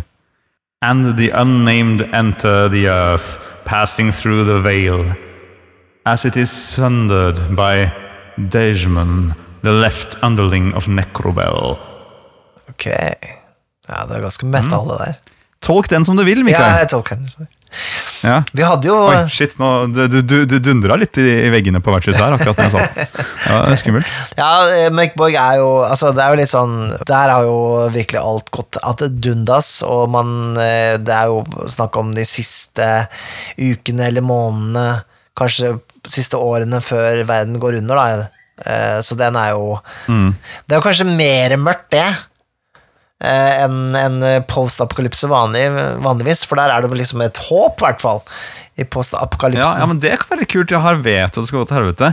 Eh, Det, det kunne jeg også likt, med, likt å spille i en vikingsetting. Å spille Fimbulvinteren, den tre år lange Mm, vinteren. Og du spiller det tredje året, det er virkelig nå alle ressursene er brukt opp. Nå går det på, nå skranter det, og du vet at liksom, på slutten av det her så er begynner Ragnarok. Det, det, er, det er ikke bra. Det kan være ganske kult å spille. Det som er jo litt sånn eh, Som kan være litt sånn fascinerende med en, en apokalypse som er på vei, er jo det at man eh, Alle skal jo dø, det er jo faktum. Og når du vet at alle skal dø eh, snart, så er det jo litt sånn Hva vil du bruke den tiden til, ikke sant? Hva, hva slags, hva, Hvordan vil du gå ut? Vil du gå ut eh, klynkende og Eller vil du gjøre en siste innsats, rett og slett, før eh, dommedag tar deg? Det er jo, det er jo en, Jeg vet ikke. Man kan se det på to måter. da Man kan enten se det som en veldig deprimerende, eller så se det som en veldig sånn motiverende setting også. Um, Brenne ut i en sterk flamme istedenfor å fisle ut i Ja, vinterkulda. er ja.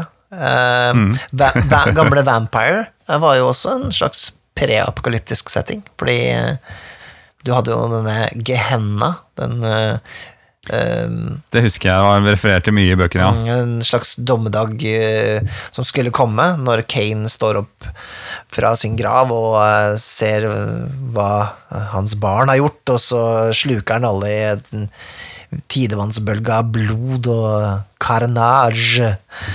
En siste stor kamp, rett og slett. Ja, og i gamle Vampire, eh, den første utgaven, da eh, ja, Ikke første utgave, men iallfall de tre første. Så kom det ut en bok som heter Gehenna, og da ble jo faktisk hele gamelinen avsluttet. Og eh, det var jo Det var veldig stort, da. Å bare si nei, nå kom enden. Der, der gikk det til helvete, gitt. Og så, og så starta de å gi ut det som heter Vampire the Requiem, som ingen hadde lyst på. Uh, meg inkludert. Ja, så er, det, er, det en, det en vampire-bok du ikke eier, Mikael? Å ja, det er det, altså. Jeg, så rik har jeg aldri vært, men uh, det er ikke så mange jeg ikke har, faktisk. Iallfall det originale. Um, Jeg husker, du, jeg husker den gamle bokhylla di. Det var sånn Det var, det var svai Ja, den svaier noe jævlig Så mange vampire-bøker. Jeg har kjøpt meg noen Det det. flere Vampire-bøker faktisk nylig, og eh, nå, nå svaier den enda mer. Jeg måtte faktisk ta ut noen Vampire-bøker for å legge et annet sted, for det ble for mange i hylla. Um, men ja, nok om det. Gehenna er jo, det er jo ikke en Det er en preapokalyptisk setting, men og det, det her er jo det er ikke sånn at man nødvendigvis At det kommer til å skje, da. Altså den, man spekulerer i den Gehenna om det er sant eller ikke, men det iallfall var en mulighet, da, i gamle Vampire å spille ut eh, enden. Um, Dying Earth er jo også en uh, setting, eller spill. Det var jo et gammelt spill utgitt av Pelgrane Press. Um, Ok, Det har jeg ikke hørt om. Nei, det er, eh, det er jo der eh, Altså Jack Vance, forfatter, som skrev disse Dying Earth-bøkene. Jeg må jo si jeg kan egentlig ganske lite om det. Det eneste jeg vet om som jeg vet sikkert om det, er at Vancian magic er det man kaller uh, magisystemet, eller måten man håndterer magi i Dungeons and Dragons. At man ikke har noe sånn magipoeng eller noe sånt, men at man, man memorerer besvergelser i hodet, og så når man caster dem, eller hva heter det, når man sender dem ut, da, så, så glemmer man dem, og man, man må memorere dem på nytt igjen. Da. Så det er hentet Ja, fra okay. Dying Earth. Det, det, gir, det gir jo veldig liten mening i, i Dungeons, and Dungeons and Dragons at man på en måte liksom må memorere dem på nytt og sånn, men man skjønner jo det bedre når det kommer fra et sted, da. Og så våre to spill, eh, Nikolai, altså Mørketid, som jeg skriver på, og Dragepust, er jo også litt sånn preapokalyptiske, eh, preapokalyptiske på hvert sitt vis. Som du Ja, det er på en måte det. Sant? Mm. altså Ragnarok er på vei i mørketid, og, og en slags undergang er på vei i Dragepust også. Så, det jo, så jeg tror dette er, dette er greia vår. Vi er preapokalyptiske dudes, rett og slett. Altså Nei, men det, det, er jo veldig fascinerende. Jeg tror vi alle er fascinert av dommedag.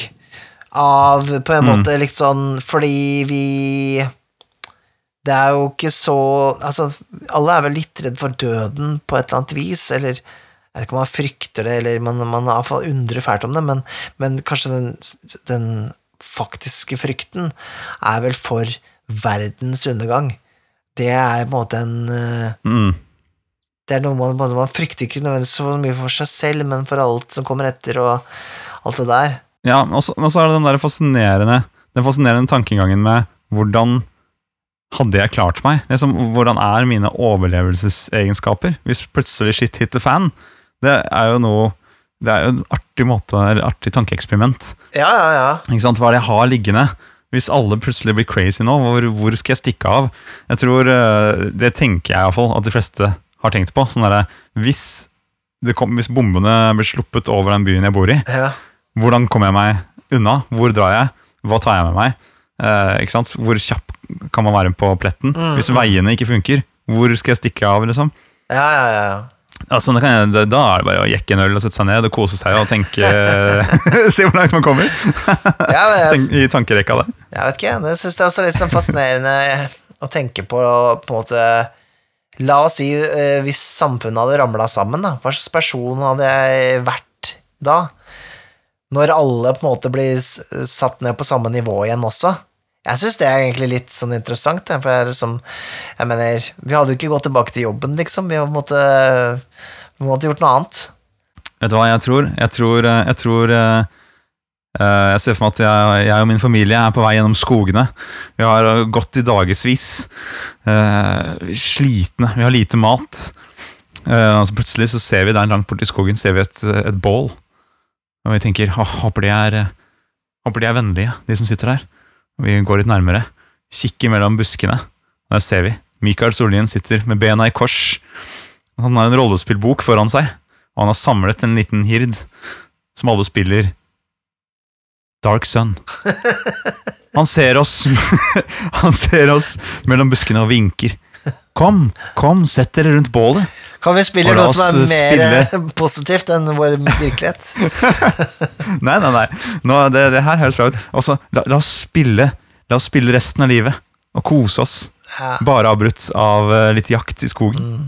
Så har vi funnet vår eden hos deg, Mikael. Eh, Bæsje i elva, for den er tom for dopapir. Ja, altså, ja. da får du skylt uh, rumpa samtidig. Ja, ja, ja. Men jeg lurer på en ting. Er, er, er eh, et tegn på apokalypsen at det begynner å liksom komme mange sånn skadedyr og sånt? Fordi opp, inne på vertshuset her nå, så jeg merker at det, det kravler liksom biller og mark og skitt ut av veggene her, og jeg synes det er faktisk det er litt ubehagelig. ja, ja. Men, men ser du den derre svære Svære larva som kommer opp fra kjelleren, eller? Nei, du, er, det, er det ormer i kjelleren? Ja, men den der er mye, mye større enn alle de andre, og, og det er akkurat som sånn, liksom det- Det skjønner hva jeg tenker. Jeg tror det er en. Jeg tror det er en. Jeg tror det er en! Nei, faen, det må være ukens monster!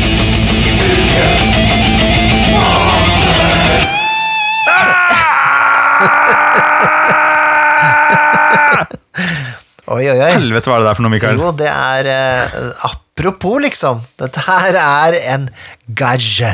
Eller gaie. Ikke en gay. Det- Ikke, og ikke en guy. ikke en guy, eller Just a guy. Jeg tror man sier gage. Eller gage. Gage. gage. Ja, hva GAJ. Det er et, uh, et monster fra Dark Sun, faktisk. Altså, det er et uh, Dungeons and Dragons-monster. Det er det. Um, Godt mulig eh, forfattet av Troy Dennings, som eh, forfattet eh, Dark Sun-settingen. Jeg leste akkurat om denne gadgen i, i romanen The Verdant Passage. som er den første Dark Sun-romanen. Den fins vel også da i Dark Sun sin Bestiary. Eh, det er rett og slett en slags Men, men jeg finner den ikke, jeg finner den ikke i, i 5E-Monster eh. Monster Manual-boka her. Altså, jeg, jeg finner Galebdur, jeg finner Gargoyle, Gaspore, Gelatinous Cube, altså Coop. Eh, Men jeg finner ikke noe Gage. Det er ingen gage der. Nei, det er eh, den, eh, Det hadde vært litt sånn eh, Jeg tror folk hadde blitt mer irritert på at det ikke har kommet en Fit Edition-versjon av Dark Sun om det hadde vært en gage i eh, Monster Manual. Um, okay. for det hadde vært sånn tease. Men Gash i hvert fall er en, eh, en slags sånn billeaktig uh, uh, vesen. Han er svær som et uh, Som en leilighet, holdt jeg på å si. Den er veldig stor. Um, og den er full av sånne eh, skall. eh, Sånn eh, store skjell, da. Og den har et hvitt hode med, noen, med seks eh, sånne flubbeaktige øyer. Og så har den på toppen Øh. av hodet Ja, så har den sånn, sånn der eh, Mandibles, vet du, Sånn der eh, Gripmunn, holdt jeg på å si. Hva kaller man det for noe? Ja, på norsk.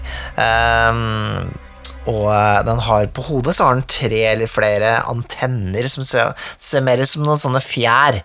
Um, men det som er spesielt for ga gagen, er at den, eh, den livnærer seg også på kjøtt fra andre arter. Men den trenger også livnære seg på sinn eller hjerne til folk. Altså den, den stjeler minnet til andre. Ja, nettopp. Og den er, den er sterkt telepatisk og uh, psionic. eh, så den, den, eh, den søker rundt seg i, ørkenen etter andre intelligente vesener for å, for å fòre intellektet sitt selv. Da. Og slik lærer den mer om mennesker, for eksempel, og andre tenkende vesener. En, en mindflayer mind i um, billedrakt. Det kan du godt kalle det. Det er det. Er det. Og det er jo En blanding av en Umber Hulk, en kjempebille og en mindflayer. Det høres eh, ganske riktig ut, ja. Og eh, i denne boka så Så, eh, så eh, en av hovedpersonene blir da angrepet av en sånn gash, og da begynner den å eh, snakke telepatisk med, med han som ble angrepet. da Men du kan jo lese tankene hans, ikke sant? for han har jo vært i berøring. Mm. Så, så han Mhm. vet jo altfor mye. Så det er jo eh, Jeg syns sånn Det er mer skummelt enn ofte liksom bare å bli skadet med noen hitpoints, liksom. Hvis du liksom eh, De stjeler minnene dine. eh, stjeler kanskje eh, informasjon om MPC-er og alt mulig rart, ikke sant? Mm. Jeg syns egenskapen Jeg synes egenskapen er eh, kan være scary, men til å være et monster eh, eh, så tenker jeg at det er to ting som trekker litt ned for meg okay. med Ga- Gaj Guy her. Og det er, det er navnet, for det første. Fordi jeg hører bare rundt bordet eh, når den kommer frem, og så bare noen kjenner igjen eh, dette monsteret. Bare ah, 'Det er en guy, jo!' Ikke sant? Og så blir det sånn guy. Haha, masse Vent, skal- dårlig dad-humor eh, på det. La meg få lov til å sjekke i, eh, i bøkene her. Uh, how to pronounce gage. Og så er det i tillegg at det er en gigantisk bille som jeg tenker er sånn der, ah, bugspray og ikke sant sånn der, det, er, det er lett å kødde med. da Jeg tenker at uh, en litt annen form på den, så, så kanskje den er skumlere. Skal vi se. Å, det er indisk, ja. Jeg fant bare på indisk måte. Gaj, gaj, gaj, Gaj. gaj, Gaj. gai. Gadge. Ja, men jeg, jeg står ved det. Men uh, vi, kan, vi kan ikke ha han her heller. Vi må, har det noe Vi kan spraye på han, eller? Mikael? Ja, det ser litt ut som en reke, da. Vi kan, vi kan plukke den og ha et, eh, et herremåltid.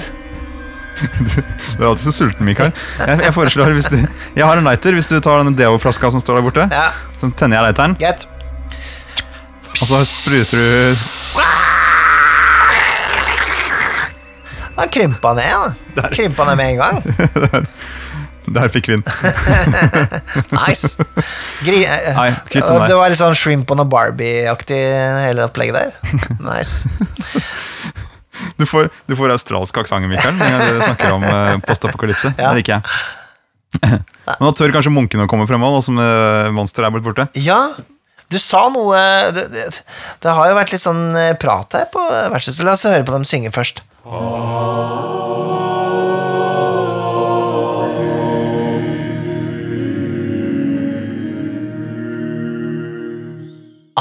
ja, det var fint. Ja, se, her har vi en nydelig. eh, ja, papyrusrull her, ja. Det er fra rollespill.info. Skal vi se, hva er dette for noe? Det er fra Ja. Kai Olsen, heter han. Ja, nettopp, ja. han eh, Se her. vil du lese den nå, eller? Ja, skal vi se, Sleng den over hit, da. Skal jeg Ja, se. vær så god. Han var litt porøs og veldig litt forsiktig. Oi, uff da, datt litt på hjørnet, men jeg tror jeg skal lese det her. Skal vi se. Det ikke helt ukjente tidsskriftet Esquire har en artikkel om den kommende Dungeons and Dragons-filmen, og går gjennom skuespillere blant, eh, samt setting. Blir dette en katastrofe som filmen på tidlig 2000-tall med Jeremy Irons, dog unektelig underholdende med et par innabords, eller vil den være med, som magasinet er inne på, til å føre renessansen videre?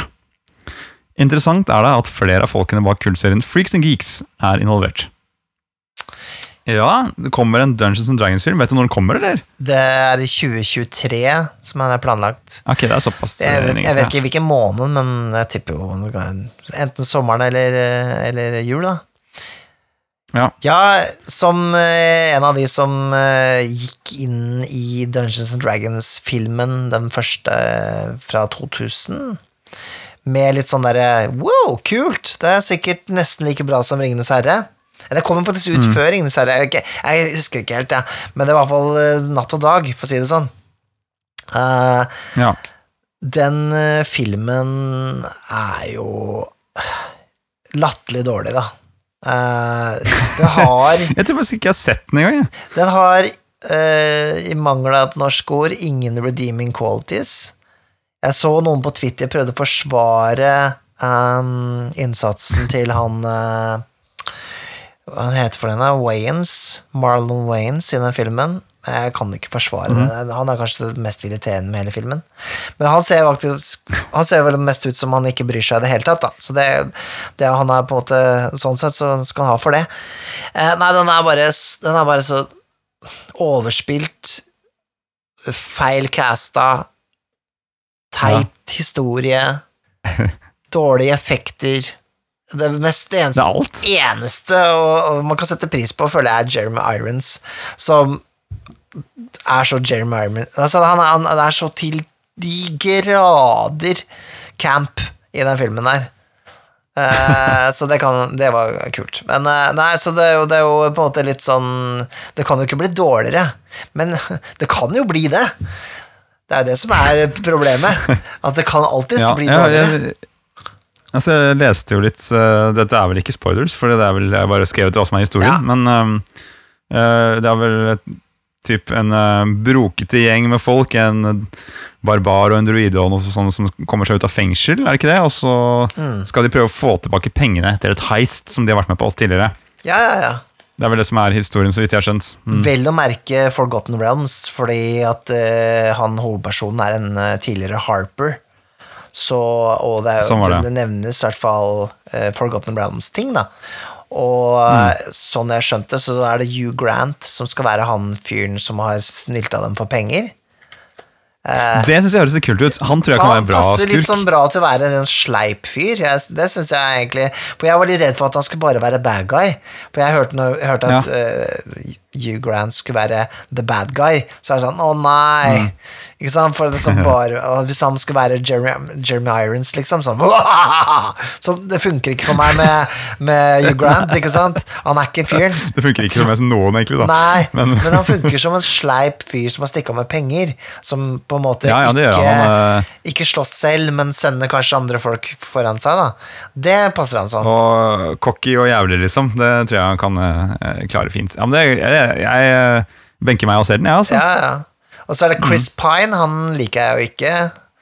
Eh, han eh, bare ser jo ut som den dølleste varianten av Ken. Altså, altså, han er så, han er så kjedelig! Så skuespiller. Nå må altså, jeg google ja, han som spiller På, på, det er ikke Google her, men spiller- de gir meg en papyrusrull nå. Han spiller. Captain Kirk i Star Trek, den nye filmene. Og så spiller han eh, i Wonder Woman. Jeg har ikke sett Wonder Woman, men eh, det er han fyren som eh, Wonder Woman Jeg tror hun er forelska i han, jeg er ikke Ja, sikker. riktig, ja. I hvert fall noe sånt. Ja, han ser, Ja. han ser ut som ser, Det er det som bekymrer meg litt, for han ser litt nesten ut som han hovedpersonen fra den gamle Dungeons and Dragons-filmen. Han er sånn derre amerikansk kjekkas. Det liker jeg ikke. Men det er andre skuespillere. Michelle Chad. ja, veldig. Han Chad, ja. Også, men eh, Michelle Rodriguez skal være med, som jeg tror hun skal spille barbar, og det syns jeg jo Det er jo hardcore. Hun syns jeg hun er dritkul. Um, Ja, det, det, blir spennende. Jeg, som sagt, jeg fikk lyst til å se begge, egentlig. Et bra vorspiel kan det være å se den gamle Dungeons and Dragons-filmen. det, det blir, Ta- det blir sånn eh, når det som går gjennom Star Wars uh, prequelsene. ja. Nei, eh, det er mye som hinter til at det kan bli bra. eh, Men eh, jeg er alltid skeptisk, fordi det er alltid noen studier som skal blandes inn og sånne ting. Og det jeg tror er bedre Det som gjorde den første Dungeons, Dungeons and Dragons-filmen dårlig spesielt, er at uh, siden det ikke var satt i en setting Det var ikke satt i Forgotten Realms, det var ikke satt i Greyhawk eller noen ting. Det var liksom en egen greie for den filmen. Så hadde det liksom ikke noe med Det hadde like mye med Ringenes herre å gjøre som det hadde med Dungeons and Dragons å gjøre. Det var ikke noe var, Du hadde med en, med beholder, men det er alt, liksom, så du kunne koble det til spesifikt Dungeons and Dragons.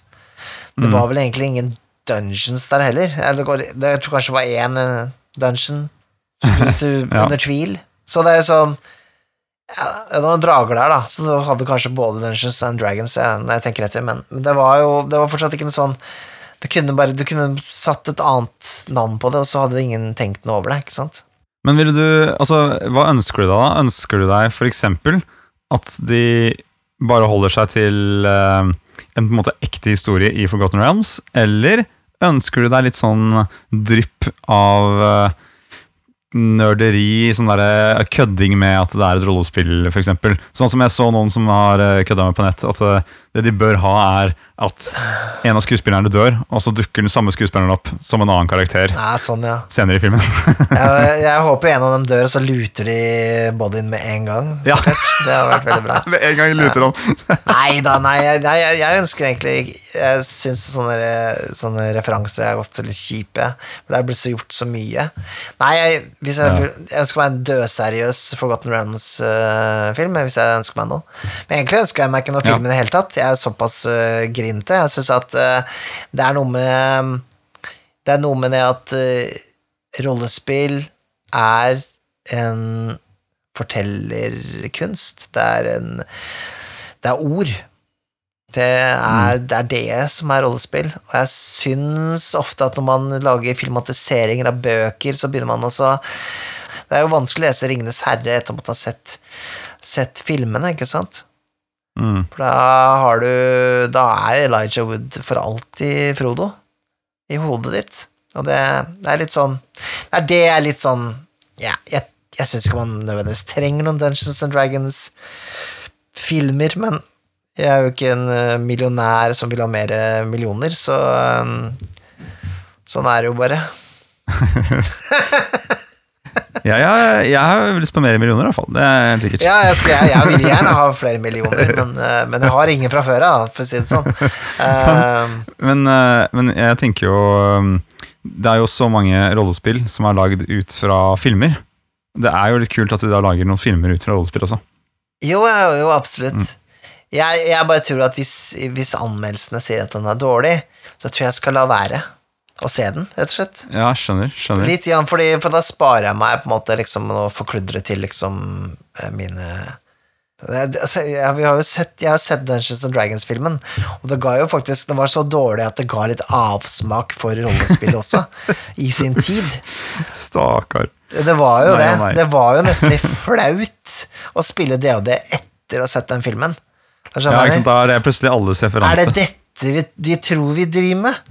Liksom? Er det så Ja, ja, dritt? Ah, Ikke sant? Så, ja, jeg skjønner. Jeg skjønner. Nei, nei, det er sånn, ikke sant? Og jeg håper på en måte de tar iallfall en rute som er liksom med, med respekt, da. For jeg vet at mm. det og det har blitt liksom mimi.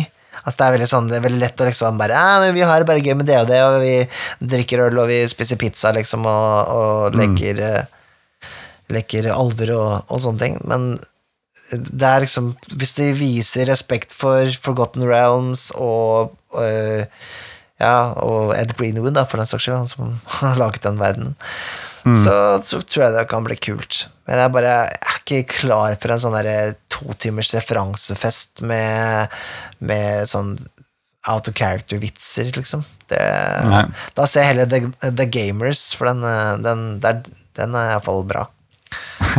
Men tar de det på alvor, så har de jo potensial for å selge, selge mye mer.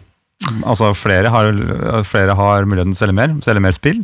Selge mer brettspill også, som er satt til settingen. Mm. Så, og lage flere filmer, for en saks skyld. Så de burde jo det. For sin egen lommeboks skyld. Du må bli 40 snart, sånn at du kan bli sånn grinete som meg. Altså, det... Nei da, men jeg tenkte det var greit å ha litt sånn eh, Bare sånn eh, Brent barn skyr eh, Dungeons and Dragons-filmer. Sånn inntil det motsatte er bevist. Fordi selv om Michelle Rodriguez er med, så har hun spilt i veldig mange Fast and Furious-filmer, og de er jo ikke så bra. Så ikke det at det skal være mot henne, eller noe sånt, altså, men bare, ikke sant det, ja, Jeg er litt skeptisk. Um, altså litt Jeg var veldig stressa når jeg så at det var eh, folk som står bak Freaks and Geeks, som Ja. skulle lage den her. For da tenkte jeg med en gang på han derre Han regissøren til eh, Til Bride, Bridesmaids og Ghostbusters 2016. Ok. For han var jo stor bak den Freaks and Geeks. Men det var ikke han, heldigvis. Nei, men du tenker at det blir for mye humor også, kanskje? Da hadde det blitt litt sånn der eh, improvisasjonshumor gjennom hele filmen, og det tror jeg ikke jeg hadde orka. Vi får se da om du, om du kommer deg på kinoen eller ikke. Når Ja, den kommer en dag. Ja, hvis vi får lov til å dra på kino igjen, da. Det, ja, det, vi gjør vel det. Vi gjør vel det. Ja, håper det. Men eh, det var jo en eh, fin liten eh, en, reise der, Mikael. Selv om det var Vi får ta brenne papyrusen, da. Sånn som du ble brent av den filmen den gangen. Ja, ja, ja. Nei, men det, det er en veldig morsom eh, video eh, med Red Letter Media, hvor de kommenterer eh, Dungeons and Dragons-filmen. Istedenfor mm. å gå og se Dungeons and Dragons-filmen, så kan du heller se den YouTube-videoen. Den er veldig morsom. De kommenterer på, på denne filmen, da. Da slipper du å utsette deg for, for hele filmen, i hvert fall. Bare Du får den i klipp. Det er veldig nice. Og de har kødda med hjerterota di, Mikael. Det skjønner jeg. Jeg hører det. Huff a meg.